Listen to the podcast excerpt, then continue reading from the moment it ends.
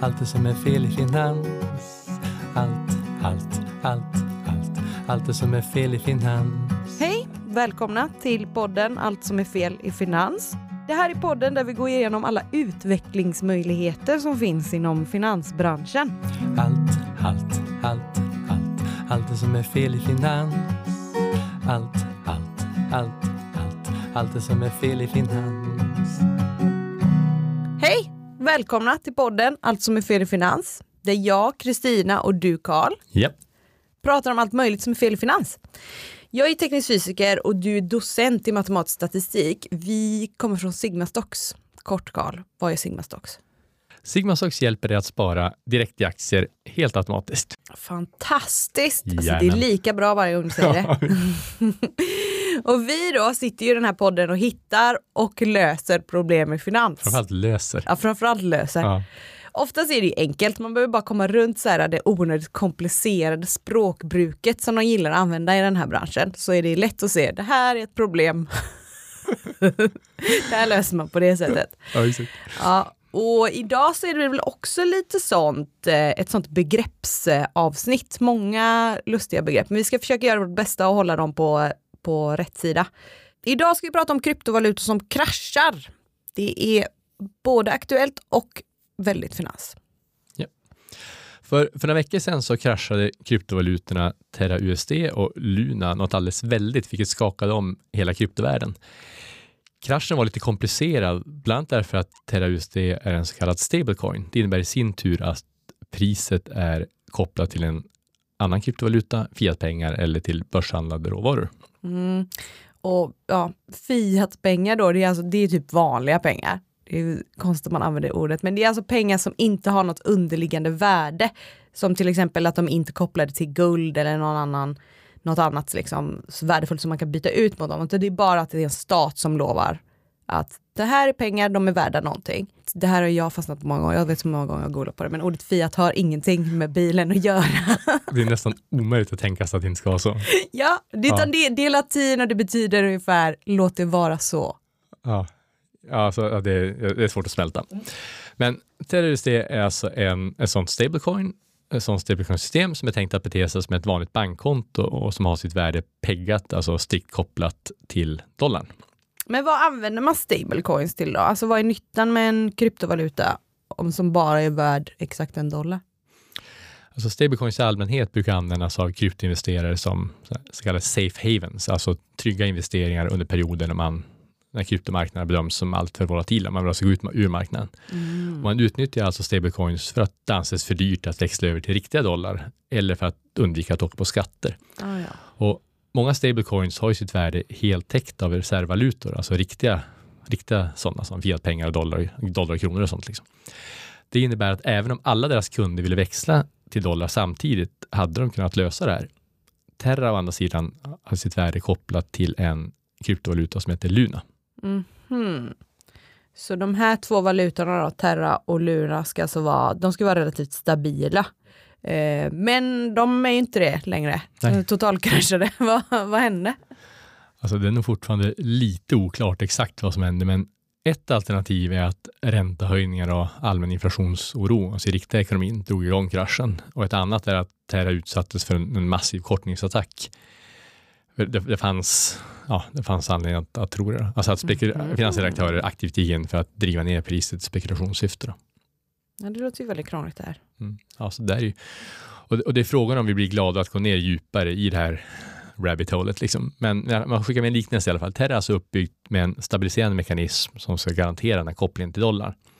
Och den motsvarar ungefär att du försöker balansera en tennisboll på en inte jättehårt pumpad badboll. Alltså om man gör. Så, som man gör. Man brukar göra. Så, så tennisbollen ligger alltså rätt högt upp på den där badbollen och den ligger rätt stabilt där i en liten grop högst upp. Så att om du går omkring med badbollen så kan du gå rätt oförsiktigt. Men problemet kommer om den här tennisbollen kommer upp i gropen lite för mycket, för då rullar den ut längs sidorna och rullar snabbare och snabbare och snabbare tills den helt enkelt ja, faller ner. Då. Så ungefär så här går det till att den här stabiliserande effekten, alltså gropen på badbollen, har på något sätt tappat sin effektivitet och då har det spunnit snabbare och snabbare och så där har den kraschat i Ja, både Terra och Luna har kraschat och Luna idag värt ja, väldigt nära noll. Då. Mm. Alltså var det att folk tappade förtroendet då för att de skulle kunna få riktiga pengar för sina kryptopengar? Ja, till sist blev det så. Ja. Ja. det är ju olyckligt är det ju i alla fall. Det var ju tydligen 400 miljarder dollar som försvann i den här processen. Ja, det är ju pengar det med. Så helt klart när folk förlorar pengar på det här. Ja. Ja. och så speciellt om de behandlar det här som relativt stabilt så kan ju de ha förlorat allt, allt de äger och har också. Ja, det, det är såklart tragiskt för varje, varje enskild person. Ja, och den här Luna var ju tydligen också en av de tio största kryptovalutorna. Så det, alltså det här kommer ju säkert påverka hela den här marknaden under lång tid kan man Mm. tänka sig. Ja, ja, det med. Alla har väl träffat någon kryptoevangelist som berättar för alla som både vill och inte vill lyssna om hur fantastiskt krypto är och hur det är framtiden ur alla som inte investerar i dinosaurier. Ja, absolut. Flera Ja. i verkliga livet och ungefär alla som man träffar på internet. Alla på internet, ja. ja det är ungefär som 5.2D-människorna för några år sedan. Mm. Det, det, alltså, poängen är att kryptofolket kanske fortfarande kommer att vara evangelister, men möjligen med marginellt mindre entusiasm. Krypto var ju lite pressat innan också. Bitcoin, den ursprungliga kryptovalutan, pikade i november och sedan dess rasat med 50 procent. Det är ju inte, det är jättemycket för en aktie, kanske mindre för en kryptovaluta, men det är fortfarande 50 procent. Alltså de som gick in i Ja. november har tappat hälften av sina pengar. Liksom. Ja, det är galet också. Men vet alla som investerar vad kryptovalutor egentligen är då? Det tror jag inte, men du kanske vill göra en snabb genomgång? För våra lyssnare? Ja. Ja, ja men snabb så i så fall. Det är alltså, krypto är alltså inte bara en digital tillgång som många tror, för att det är ju även våra pengar som vi har på bankkonton, de är ju också digitala tillgångar. Ja. Det är ju liksom, alltså skillnaden mellan krypto och vanliga pengar är ju hur man bestämmer vem som äger dem. Så jag äger pengarna på mitt bankkonto för att lagen säger att jag gör det. Eh, och jag får tillgång till dem. Eh, och för att få tillgång till dem så måste jag visa vem jag är. Så svenska staten har alltså garanterat med sina lagar och regler och bankerna med sina kontroller att jag har tillgång till mina pengar även när jag har lämnat ifrån mig dem. Och kryptoägandet å andra sidan, det är ju en eh, krypterad digital förteckning, en distributed ledger som man säger, eh, över de här digitala tillgångarna. Och de tidigare äganden, så tydligen, eh, och det här ska ju då göra banken överflödig, är ju tanken bakom hela det här. Att det är alltså att vi alla kan ha en kopia över den här förteckningen, över alla transaktioner som någonsin har gjorts. Så vi behöver inte lita på någon, man behöver bara lita på sig själv. Ehm, och det är väl det ungefär. Ja, det är snyggt, snyggt sammanfattat. Anyway, kryptoälskarna har alltid fått rätt förr då när de har hävdat att krypto och kanske främst bitcoin alltid studsar tillbaka från krascher. Men det finns ändå en viss anledning att tro att det kan bli annorlunda den här gången. Ja, det är dags att köpa dippen nu då. Nej. Nej, det är Eh, inte dags. Nej, nej, Det var det du sa. Ja, inte dags. Ja. För, eh, för kryptovalutor har historiskt sett alltid gått upp genom att de har attraherat en, det är ett pyramidspel, en ständigt växande skara investerare. Och de har någonstans gått från att vara en liten kult till att nå brett, alltså från kändisar till Wall Street-jättar som Fidelity. Och vi har väl någonstans alla sett när Matt Damons cringe reklam för, för just krypto. Mm, fortune favors the brave. Ja, ja, exakt. Den, eh, ja. Men problemet för krypto är att de som förlorat mest pengar i den senaste tidens krascher är de som investerat nyligen på grund av just den spridning krypto fått tack vare reklam och kryptoevangelister. Och de här blir ju de här personerna blir ju svåra att vinna tillbaka, ungefär som att de som köpte Tesla Model S för åtta år sedan förmodligen fortfarande känner sig blåsta och aldrig kommer tillbaka som kunder. Mm. Det är mer sådana här billiknelser, jag antar att det var en jättedålig bil. Alltså det var ju, om, du tar en Mercedes och så går du runt och, och, och mäter avståndet mellan olika plåtdetaljer, liksom, så är det, det skillnaden runt hela bilen kanske från 3,8 mm till 4,1 mm. och så. Mm. På Tesla kan det vara så två centimeter skap och det gick inte att stänga. Det var ju bara, det var ut som ett barn hade gjort den. Liksom. Okej. Ja, men eh, om man går tillbaka till krypto, alltså jag får ju alltid känslan av att om man går in på ett sånt kryptoforum på internet, som jag gör ganska mycket, alltså jag vet inte varför, men jag, jag hänger mycket där, får jättemycket reklam för krypto också hela tiden. Men det är sån, det är sån pyramidspelstämning, alltså det är galet. Det är så, alla är så, måste köpa, måste köpa, nu är rätta tiden att gå in, alla Ja. måste köpa.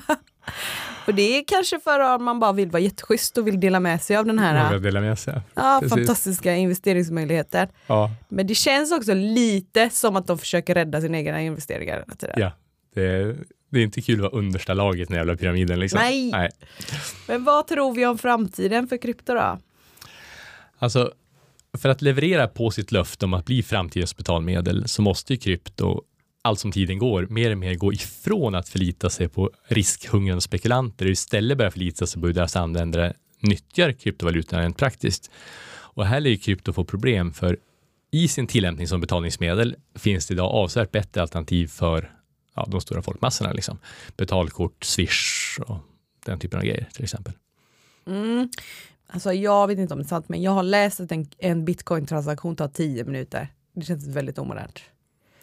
Alltså det är ändå en del, jag vet inte om det stämmer. Liksom.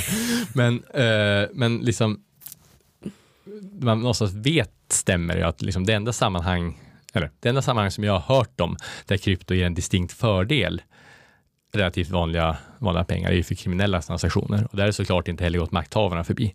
Bara de senaste veckorna, alltså efter Terra Luna-kraschen, så har många höjdare uttalat sig väldigt tydligt mot krypto.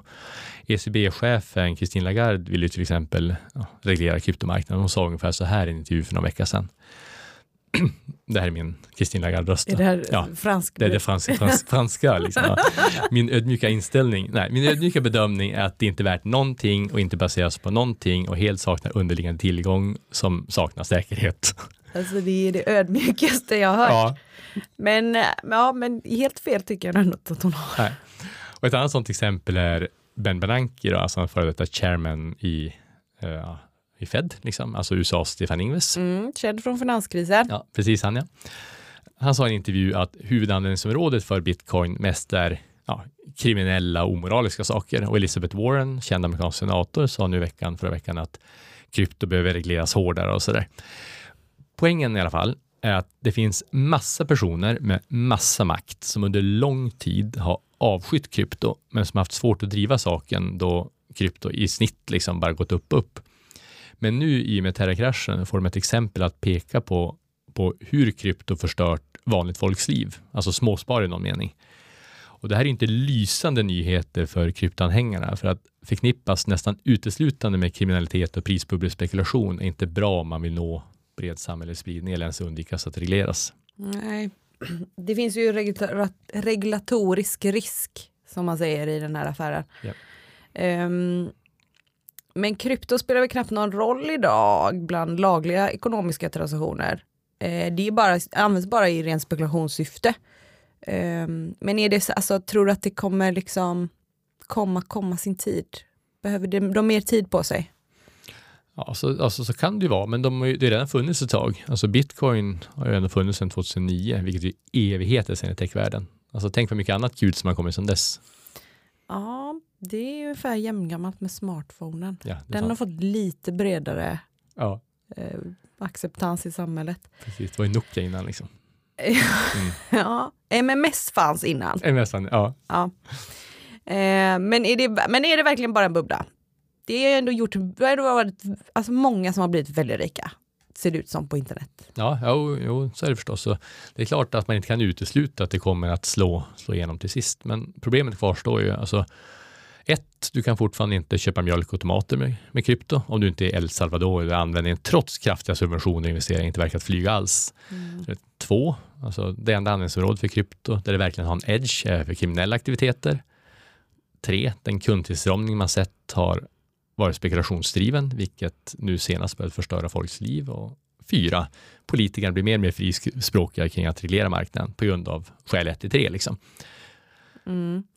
Och då nämner du inte ens eh, de, alltså det stora energianvändningen som krypto har, vilket också känns väldigt omodernt. Ja.